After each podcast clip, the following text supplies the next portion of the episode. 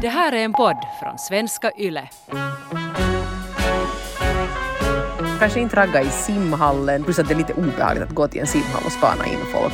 Jag sitter bara Men på ja, läktaren men- och spanar. Aj, du barnen, är, där, ja. barnen är i simskola så man kan ju sitta där istället fullt påklädd och spana. Där sitter du och sippar på en hartsport och, och spanar in utbudet. Ja, ja, det kan man ju. Det kan man ju göra förstås. Ja.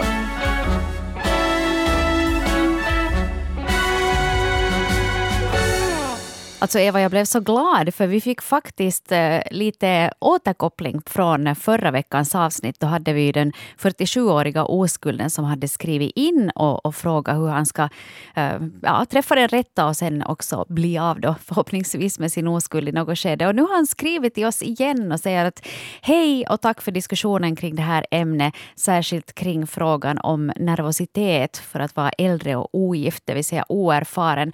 Jag fick bra tips av er alla och det var mycket uppskattat, hälsar en mindre nervös 47-åring. No, men det var ju trevligt. Ja, vi hade ju Patrik Järn med oss i studion förra, förra poddavsnittet och då var det här en av de frågorna vi fick och som vi faktiskt satt ganska länge och, och fnula på där. Men vad bra om den här 47-åringen tyckte att vi, vi gav honom lite pepp.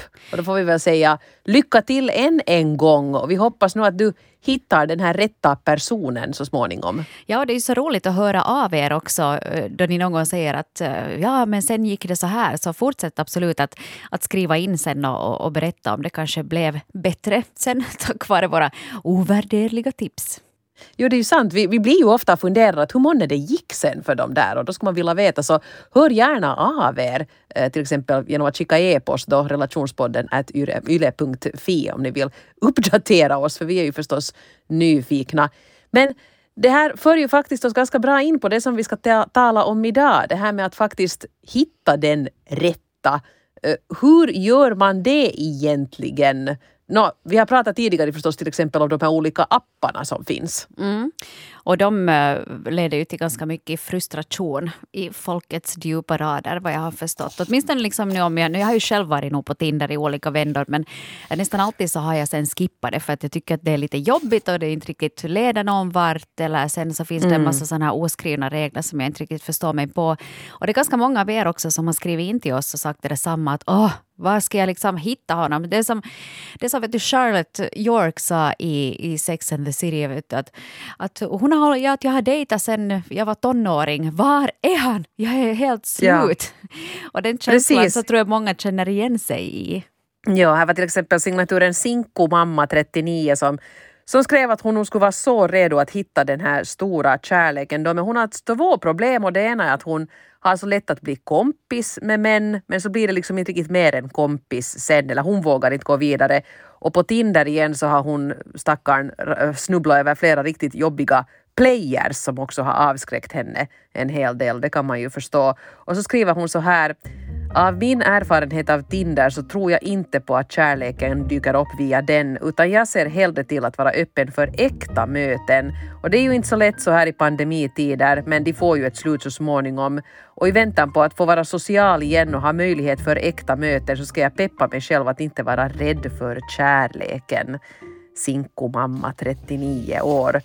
Eh, har tröttnat på Tinder. Nå, jag har ju nu aldrig varit på Tinder men känner du på något sätt igen det här du Hanna som ändå har hängt där lite grann? Absolut. Och, och, och som jag sa också just med de här oskrivna reglerna, att det är lite svårt att liksom komma till skott. Och förstås den här pandemin sätter ju rejäla käppar i kärlekens hjul annars också. Att nu då det sägs att vi inte ska träffa någon överhuvudtaget så, så kanske det kan vara bra att chatta. Men jag tycker själv att det är jättesvårt att, att chatta med någon som du inte känner. Och, och sen är det också jättesvårt att veta att eh, finns den där kemin där då man träffas personligen? För det, det är ju jättesvårt att veta liksom baserat på bilder och, eller hur någon skriver och så här. Att jag tycker, själv har jag kanske blivit lite besviken många gånger. Och, så, och sen tror jag också kanske att jag inte heller har gett sådana män en chans som kanske skulle ha eh, Eh, varit bra för mig för att jag tänkte att men den här bilden var ju inte, inte så bra. Medan sen igen att om du träffar någon eh, i riktiga livet så att säga, så då, då tittar du på så mycket mera och du tar ju in så mycket andra signaler än bara de där bilderna eller vad någon har skrivit i sin profil. Och det är ju där någonstans sen som den där magin kan uppstå. Ja, så det som vi funderar på den här veckan är att borde man kanske lite gå ifrån det här med att vara så fast i de här apparna och kanske ta till heders mera sådana här eh, äldre metoder, till exempel den hederliga blind daten eller det här att man låter några kompisar para ihop en med en lämplig singel eh, som de tror att det skulle kunna fungera med. Och vi har fått in en massa intressanta insikter och tips och sånt här, också riktigt romantiska historier om hur ni har träffat era respektive. Och på ganska oväntade ställen hade ju faktiskt dykt upp. Ja, precis. Och, och, och, det är ju en hel del grejer som man behöver tänka på också då man beger sig ut i dejtingdjungeln. Och jag tyckte att här var signaturen XSOD30 som har skrivit in eh, fyra punkter som, som jag själv åtminstone tänkte att men det här är ju bra att, att fundera på innan man ens börjar dejta. Nummer ett, det är upp till dig att göra ditt liv meningsfullt med eller utan partner. Det är en bra poäng. Amen. Jag tror man kanske lite ibland, om man är singel framförallt, låser sig vid det här att allt skulle bli bra om jag skulle ha ett par här i livet. Men man är ju ändå på något sätt sin egen lyckas smed. Och, och att försöka nu hit, göra sitt liv meningsfullt fast man är ensamstående. Mm. Nummer två, eh, trenden nu för tiden är att kräva men aldrig ge. Fundera på hur du själv kan bidra till ett lyckligt förhållande eller äktenskap för en annan person. Mm, bra där, poäng det också. Ja, det är nog viktigt. Därför att ofta så sitter man ju där med sin lista att eh, han ska vara si och han ska vara så och han ska ha de här och de här egenskaperna och ett sånt hus och inte gilla hundar och vad det nu sen kan vara. så, att, så att man kanske behöver också fundera på att vad kan jag bidra med? Vad, kan, vad har jag att erbjuda en potentiell partner? Mm. Sen eh, punkt nummer tre, fundera på vad du verkligen värdesätter. Lojalitet, pålitlighet, vänlighet, humor eller karriär, hög lön, skönhet och en bra kropp. Mm. Allt det tack. Ja, ja. Jag tänkte just att det låter inte så dumt där egentligen. Att var, var är du? Eh, skriv in till relationspodden yle.fi. Ja men det där är ju nog, och kanske lite rangordna de här också. För jag menar, okej, okay, någon kanske har allt det här. Men att vad är egentligen viktigast för dig? Att är det den där eh, snygga kroppen eller är det bankkonto eller är det just eh, att han är snäll? Eller, ja. eller, eller vad är det? Att, att de kanske har en sån här topp trea och sen resten är inte lika viktiga. Ja, det är jättebra. Man skulle kanske kunna skriva ner till och med den här rangordningen för sig själv så att man inte liksom tappar bort den och sen om man har varit på en dejt med någon så kan man ju se på sin lista att, att stämde han nu alls överens med det här? Till exempel om jag skulle nu rangordna så jag skulle säga att de grejer jag ser som absolut viktigast i en partner är pålitlighet och humor. Mm. liksom det på något sätt det som för mig just skulle hamna i topp. Och har man sen varit på en dejt med någon och tycker att, hmm, att han var ju nog liksom hemskt snygg och, och verkar ha det väl ställt och sådär men han var ju nog hemskt tråkig. Han skrattade inte åt ett enda av mina skämt. Liksom, och det är det han som är tråkig, sen... inte att mina skämt skulle vara dåliga. Nej, nej, nej, men i alla fall vi har inte samma humor och, ja. och för mig skulle det ju vara liksom en, en dealbreaker. Mm. Men ja. Här var ännu punkt nummer fyra. Skippa sociala medier, satsa istället på att befinna dig i verkligheten.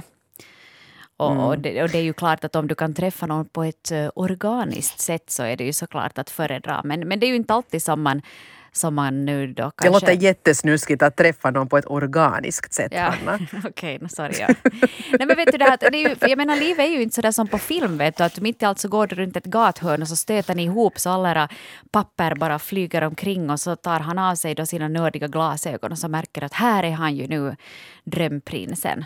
Eller så händer det. Kanske Eller, det händer ja. ibland. Ja, kanske det ja. har hänt åt någon. Ja, precis. Man, men men det, kan, det, måste ju då vara en slump. Man kan ju inte gå omkring med liksom en jättehög med papper på stan och hoppas att liksom rätt drömprins ska bumpa in i en. Utan händer det så händer det. Och vem går ens omkring med papper fick... mera? Ja, jag vet inte vad det är för folk som gör på det sättet. Du går inte alltid omkring med ett... Sån... Hej Eva, om du skulle vara i en, i en film så skulle du ha förstås liksom då ett uh, bokmanus eftersom du är författare. Att du ska alltid gå omkring med ditt bokmanus i famnen. Ja, som jag skrivit på maskin så det finns bara en version. Och oj, oj, oj, så kommer det en vindpust. Oj, nej. Ja, och så är han och dit far bestseller. Ja. ja. Men här tycker jag faktiskt vi fick ett, ett jättefint brev eh, som jag ska läsa i sin helhet fast det är lite långt men jag tycker det är värt det. Det var signaturen Så kan det gå 41 år som skrev på följande vis. Jag var nybliven singel och hade tappat tilltron till det manliga könet efter att i flera år varit tillsammans med en narcissist av rang. Mina vänner ville ändå att jag skulle se att det fanns bra typer där ute och de ville att jag skulle träffa en kille som de kände. Det var en gammal barndomskompis som de påstod att skulle behandla mig som en prinsessa. Vi skulle äta middag på restaurang och jag hade fått en beskrivning av hur han var klädd så att jag skulle känna igen honom. När jag sen satt på terrassen och väntade med ett glas vin och insåg att det var han som kom gående en bit bort blev jag mycket skeptisk. Vad i all världen hade han på sig? En märklig keps, en 70-talsjacka och bylsiga hippiebyxor. Det var nu inte alls min stil. Men jag höll emot reflexen att stiga upp och smyga bort och det var tur det, för en trevligare kväll kunde jag inte ha haft.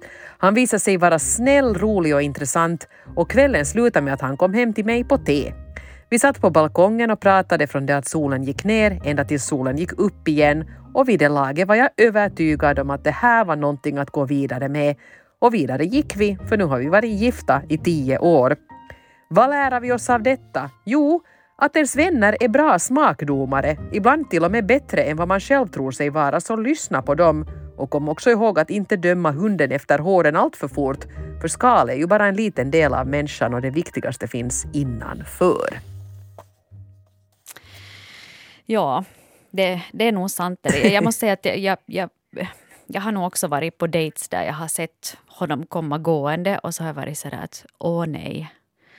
Och då har det inte funnits kanske något desto mer härligt heller som skulle kunna kompensera för det där, de där vidriga loaferserna. Men, men, men, ehm, ja, men det var ju bra i alla fall att hon gav honom en chans. Och det där är just det där att man, att man lätt kanske blir lite förvirrade av sin egen vision av hur ens drömpartner ska se ut. Jag menar, det är klart att du måste känna dig attraherad av den där personen på något plan men uh, han eller hon kanske inte är så som du alltid har tänkt dig. Och alla ser ju inte ut som filmstjärnor. Det behöver vi inte göra ändå. Att man kan ju vara en härlig typ fast man går omkring i bylsiga hippiebyxor. Mm. För det är bara hur det gick till det, att hon hade fått en beskrivning av hur han skulle se ut så stod det då att han har nu en sån där sådana utsvängda blommiga byxor och, och en sån där liten keps på huvudet. Håll nu span så han är svår att missa. ja. Nej men det var, ju, det var ju en underbar historia det här och, och jag tycker nog det där är en väldigt bra poäng det där med som, som ju just tror jag är det som är så farligt med de här apparna. Att man, är, man ska ju döma så snabbt, det är ju så de fungerar. Och då kan det nog hända att man sveper iväg sådana som faktiskt skulle kunna visa sig vara riktiga pärlor för att man tycker att de hade nu en lite ful skjorta på sig på profilbilden. Mm. Ja, och om, om man nu tänker sen att, jag menar, skulle du ha swipat till höger på Jonas jag menar om han skulle haft riktigt eländiga... Det är inte alls sagt alltså. Och ja. inte skulle han säkert ha swipat till höger på mig heller. Vi skulle helt bra kunna missa varandra om vi skulle ha försökt hitta kärleken på, på Tinder. Ja, men där, där, vet man ju mm. inte som sagt sen att vad är det egentligen sen som... Nej. För sen är det också det att människor som du tycker om så tycker du också om hur de ser ut. Det är lite sådär My Funny Valentine över det ibland. Ja precis, och så, ibland kan det hända att det tar en liten stund att man kanske tycker att det var inte så hävt det här men så sitter man där en stund och tittar och sen börjar man inse att men herregud, jag har aldrig sett ett par så vackra ögon när man liksom ser upp från de där fula loafersarna och ser lite andra sidor ja. av den man, man sitter där med. Mm. Men det här med, med blind datar som är hoporkestrerade då av en kompis.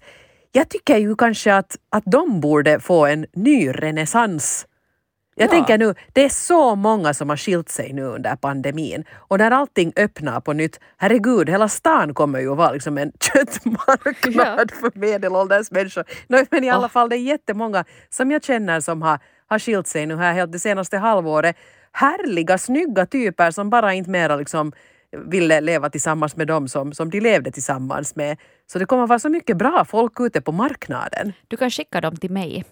Jag ska göra ett litet sampel, ja. men i alla fall kanske det inte skulle vara så dumt att, att faktiskt börja börja lyssna på sina kompisar. Istället för att sitta där och, och swipa lite lojt hit och på dit. Så fråga att har du inte någon singel nu som du känner som, som skulle kunna funka med mig? Att vill du vill du, du så här agera amor här och, och styra upp någonting? Tack. Ja, för där är det just att du, du känner ju de där båda personerna, du vet hurdana de är som människor. Så att då, då har man ju redan liksom gjort, att om en kompis har gjort en ganska bra kartläggning där före, så åtminstone eh, oddsen att man skulle komma överens betydligt bättre. Och jag måste faktiskt säga att jag är en ganska bra matchmaker, för jag har några riktigt lyckade Eh, blind dates på mitt samvete. Och, no, det ena är inte ihop numera, fast de nog var ihop länge och fick barn tillsammans. Och det andra är faktiskt fortfarande ihop, typ 20 år senare. Så, så jag har nog ett visst öga för det där. Ser du, ser du, nu borde det vara någon återgälda tjänsten för dig, mm. tycker jag. ja, men kanske det här man skulle kunna göra det, för att ibland kan det ju vara också så att du har kompisar som inte du egentligen vet, eller du kanske har en, en brorsa som du tänker att oh, det är brorsan, men sen kanske du har en kompis som tycker att ah, men min brorsa, han är helt superhet. Min, min, mm, min bror är, är, ju gift nu så ni vet det sådär. Nej men det är jättebra för att det är ju också det där att sådana som är i samma livssituation som, som jag, att man kanske inte riktigt funderar och, och värderar de där singlarna i sin, sin näromgivning för att man liksom inte ser på folk med, med det öga. Men man borde kanske lite koppla på den där blicken ibland och fundera på det här att men att ja, att han är ju nog faktiskt ganska härlig i och med det och det och det och det är just sånt som hon skulle kunna gilla. Och sen eh, faktiskt att man som singel kanske skulle våga fråga sina, sina kompisar att nu behöver jag lite assistans här. Och jag vet inte, det skulle vara intressant att veta att ha liksom sådana här kompisorkestrerade blind dates en större sannolikhet att faktiskt leda till någonting än det här evinnerliga Tinder-kaffedrickande. Ja, bra fråga. Kanske om ni har erfarenheter ute så hör av er kring det här. Vi ger det här nu till hemläxa till alla som lyssnar. Försök åtminstone komma på, du behöver kanske inte liksom skrida till verket, men fundera i alla fall genom din bekantskapskrets och på de här som är ensamstående där. Att skulle, skulle, de kanske, skulle det kanske kunna finnas någon som skulle kunna paras ihop? Mm. Hej, vi skulle kunna ta en, eh, en solskens solskenshistoria här från en lite äldre lyssnare. Det här kommer in från signaturen En som är mycket nöjd med livet, 75 år. Jag hittade min älskade man en midsommar på ett dansställe. Han dansade så bra och jag blev genast förtjust i honom. Vi har dansat mycket genom åren och skulle säkert fortsätta ännu om inte krämpor skulle ha tagit överhand. Året var 1961 då vi fann varandra och nu har vi varit gifta i 58 år och älskar varandra otroligt mycket ännu idag. Det är fint. Det här är ju klassiskt. Träffas mm. på dans och just nu råder sång och dansförbud så just Yay. nu går det här ju inte. Men, men en vacker dag så kanske vi får dansa igen. Och det här är ju nog uh, just sånt här med, med danser och, och fester och sånt här. Det är ju nog förstås väldigt behändigt. Uh, liksom att, att gå ut och, och, och spana lite mm. och kanske inte ens hitta någonting men i alla fall ha, ha dansat lite och haft roligt. Det är liksom, man förlorar ju ingenting på det. Ja exakt för att eh, då du är ute så då får du ju också direkt liksom den där upplevelsen av kemi. Jag menar, om då blickarna möts över terrassen så kanske du märker att okej, okay, där i den blicken finns det minsann lite sug. Så, så där kanske du också liksom genast får en sån här bild av hur den där personen är. Du kanske kan observera hen, hur är hen med sina kompisar eller, eller hur ser hen ut då, då hen går på vässa eller vet du, vad som helst. Så där, det, jag tror nog hårt på det där. Okej, nu som sagt, då vi bandar in det här så är det snöstorm utanför fönstret. Man kanske inte går ute i vimla och spanar så jättemycket just nu. Men det kommer faktiskt en vår och en sommar här så, så det finns nog alla, alla möjligheter. Jag tycker så om det. Det är så romantiskt det här med att gå på dans. Jag har aldrig varit på dans men jag tycker ändå att jag ser framför mig att folk har blommiga klänningar och, och lite såna här strukna kragskjortor med korta ärmar och, och, och, man har lite fixat till sig men alla är ändå förhållandevis nyktra. Att ingen är liksom där och, och raglar omkring för att man ska ju ändå dansa och alla är ganska fräscha och luktar gott. Ja. jag föreställer mig att, att det är så det går till att gå på dans. Och jag tycker ändå att det ligger ganska långt ifrån det här sen att vara på en riktigt svettig, stinkig nattklubb uh, och ha druckit rätt många cocktails och, och vingla omkring. Mm. Fast det var ju är det så nu bara jag Jonas. som lever i en sån... Nej. ja, men det var ju sen liksom studielivet det igen. Ja. Och, och, det var ju, no, det var inte nyktert, det var det inte på något sätt men, men då var det ju liksom fest hela tiden. Det blev Nej, inte sådär liksom desperat utan det var klart att man var på på sitsar och nationstillställningar eh, var och varannat veckoslut. Och det var ganska lätt också att hade man nu spanat in någon så var det ganska sannolikt att man skulle kunna hitta honom helgen därpå för man rörde sig på väldigt, en väldigt liten yta. Så att jag menar, skulle jag inte ha haffat honom där så vet jag nog inte hur jag skulle ha betett mig. Men det var praktiskt. Ni som är unga och studerande, just nu sitter ni där och har distansföreläsningar. Men snart, snart får mm. ni både gå till era studier och på studiefester så underskatta inte dem utan ha det så roligt sen när de börjar ordnas igen. Mm. Men det jag ville komma till här är att hur ska vi göra som, som vuxna när vi inte mera kan gå på studiefest och hur mycket danser ordnas det mera? Eller ordnas det mycket danser i Österbotten? Kanske det gör det? Nu ordnas det ju danser, men det är ju väl mera i sådana folkparker. Jag tänker sådär Åminne och Fagerö och, och sådana ställen där det ordnas danser, men inte vet jag nu sen. Jag, jag är inte själv någon, någon dan, eh, sån folkparksbesökare, så jag kan inte riktigt säga men säkert är det ju många som träffas där också. Men det kanske inte är liksom mm. det här äh, Malin på Saltkråkan-looken. Eller man kanske inte, det är inte, det är liksom, det är inte Cecilia Lind Okej, no, det är lite pedofil över, över den sången. lite pedofil Men det är bra att du sa Malin på Saltkråkan för det ser du just det där jag ser framför mig. Ja. Midsommar på Saltkråkan när hon har en blå liten vippig klänning och, och en blomma bakom örat. Det är så jag föreställer mig att det ska gå till. Men händer det något mer? Märkte du just att alla våra yngre, yngre lyssnare föll av då du tog, drog den referensen? Nej, det finns ju Saltkråkan på arenan med jämna mellanrum. Ja, ja, ja. Hey, vi, ja, vi skulle kunna ta en, en, en, historia som jag tycker att är, är ganska kul och åtminstone beskriver ett sätt att träffas som jag inte har upplevt personligen. Åtminstone ännu. Nej. Nej, men kanske det här Hanna skulle vara någonting eh, för dig. Jag vet inte om det här ordnas för, för straighta personer men här har vi Nikko Tikko Tinn 35s berättelse. Jag träffade min pojkvän på en gaybar för två år sedan. Jag var faktiskt hemskt nära att stanna hemma den kvällen för jag var trött efter jobbet. Men det var som att krafter från ovan ändå fick mig att åka iväg. Tema för kvällen var underwear party. Så jag satt i baren iklädd endast kalsonger när han, också iklädd bara kalsonger, kom upp bredvid mig för att beställa.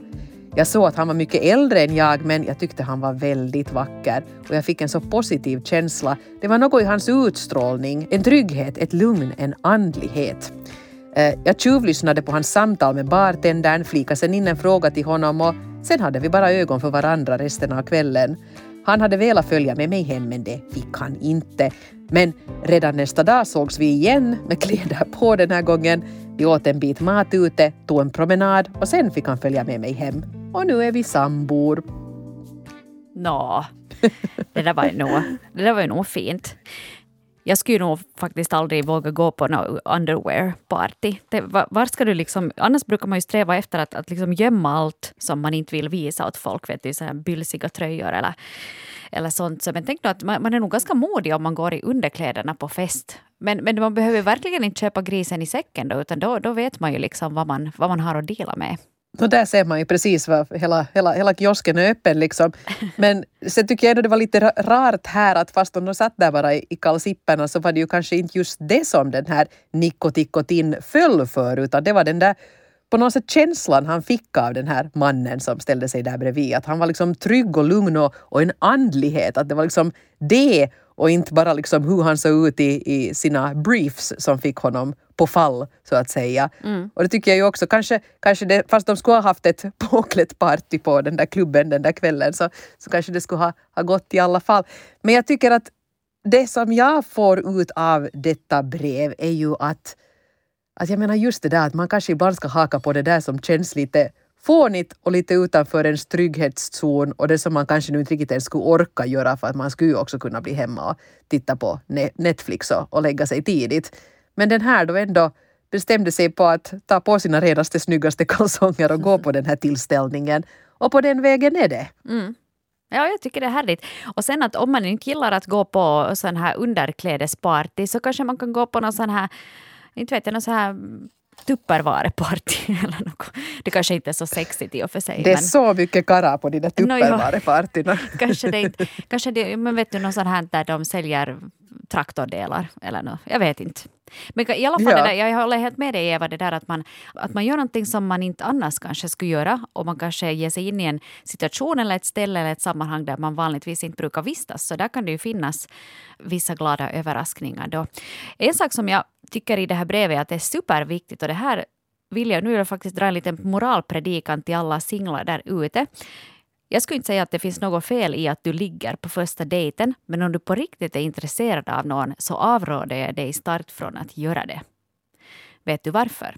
För att det bästa sättet att behålla någons intresse är ju det att du inte letar direkt. Mhm, mhm. Ja, så är det faktiskt. Och för jag har märkt, alltså jag har flera äh, singelkompisar som eh, har lite envisats envisas med att gå på den här niten.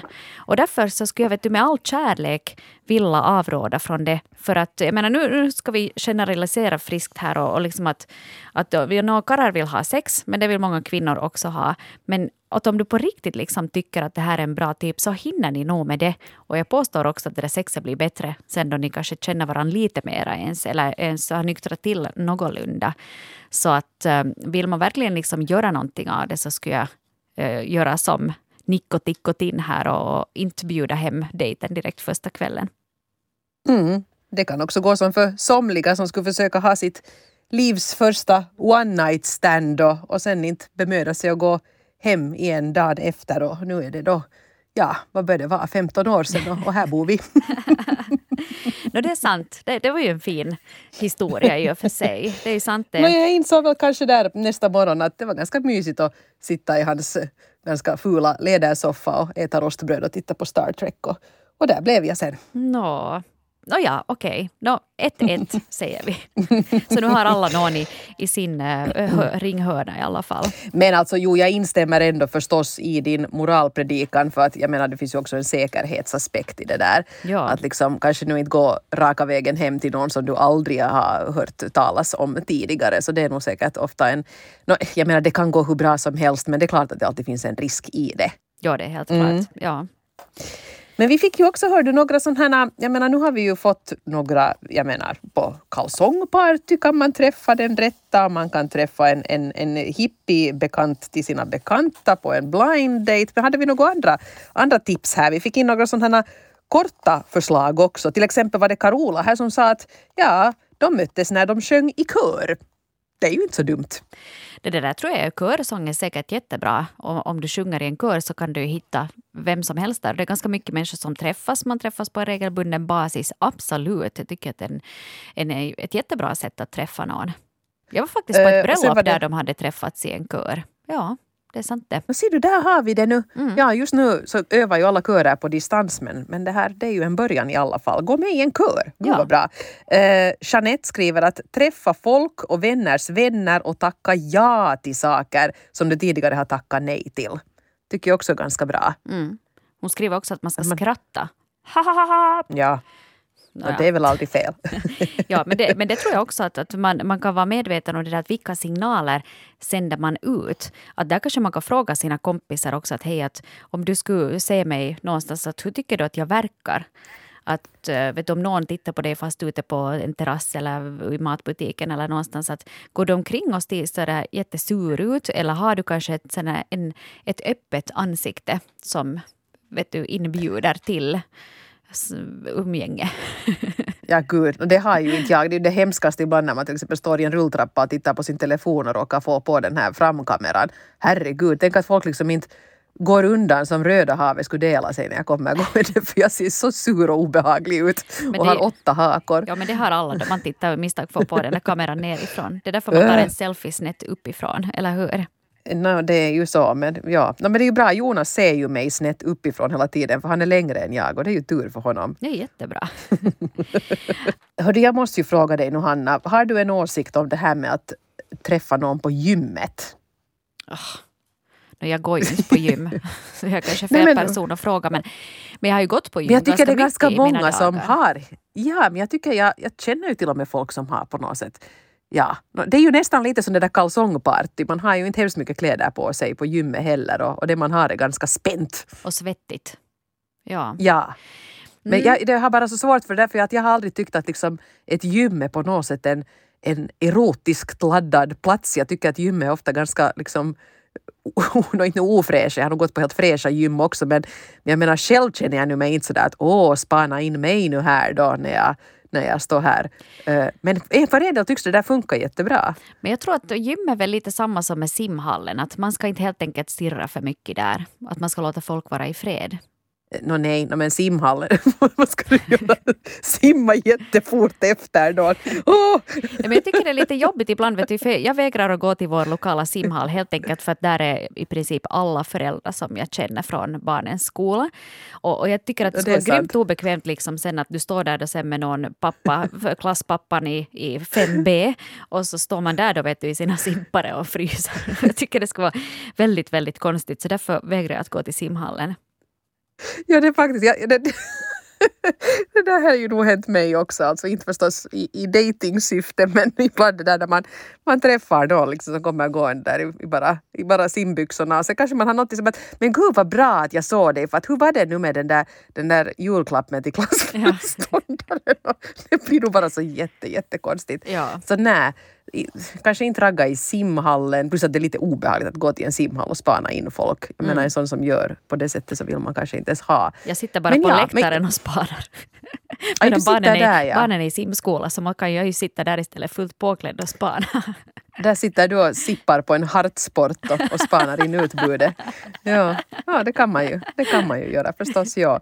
Men jo, men alltså jag, jag kan inte riktigt skriva under det här men jag, jag vet av andras erfarenhet att gymmet kan funka. Mm. Sen när, gym, nu, nu är ju utbudet så lite, man kan spana in de där andra nio. Mm, ja, det går fort. På gymmet. Ja. Ja. Hej, vi skulle ännu kunna avhandla en fråga här, i, här på slutrakan. Eh, Jan hade nämligen skrivit in så här. Kanske vi borde sluta tänka eh, på den stora kärleken istället för kärlek. Love is made, not found. Alltså att mm. kärleken får man skapa. Att den, den liksom dyker inte bara upp så där, tada, här är jag.